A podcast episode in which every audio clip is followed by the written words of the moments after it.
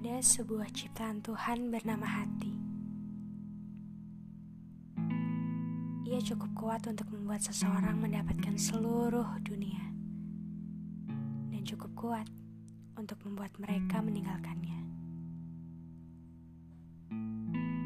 Hati selalu tahu apa yang ia inginkan, walau terkadang tidak sejalan dengan bilangan logika. Dapat dengan mudah menyerah pada sebuah tatapan mata. Luluh hanya dengan sebuah sentuhan. Namun, ia dapat dengan mudah patah hanya karena sepotong kalimat. Jika sudah menentukan pilihan, hati tidak dapat lagi diajak kompromi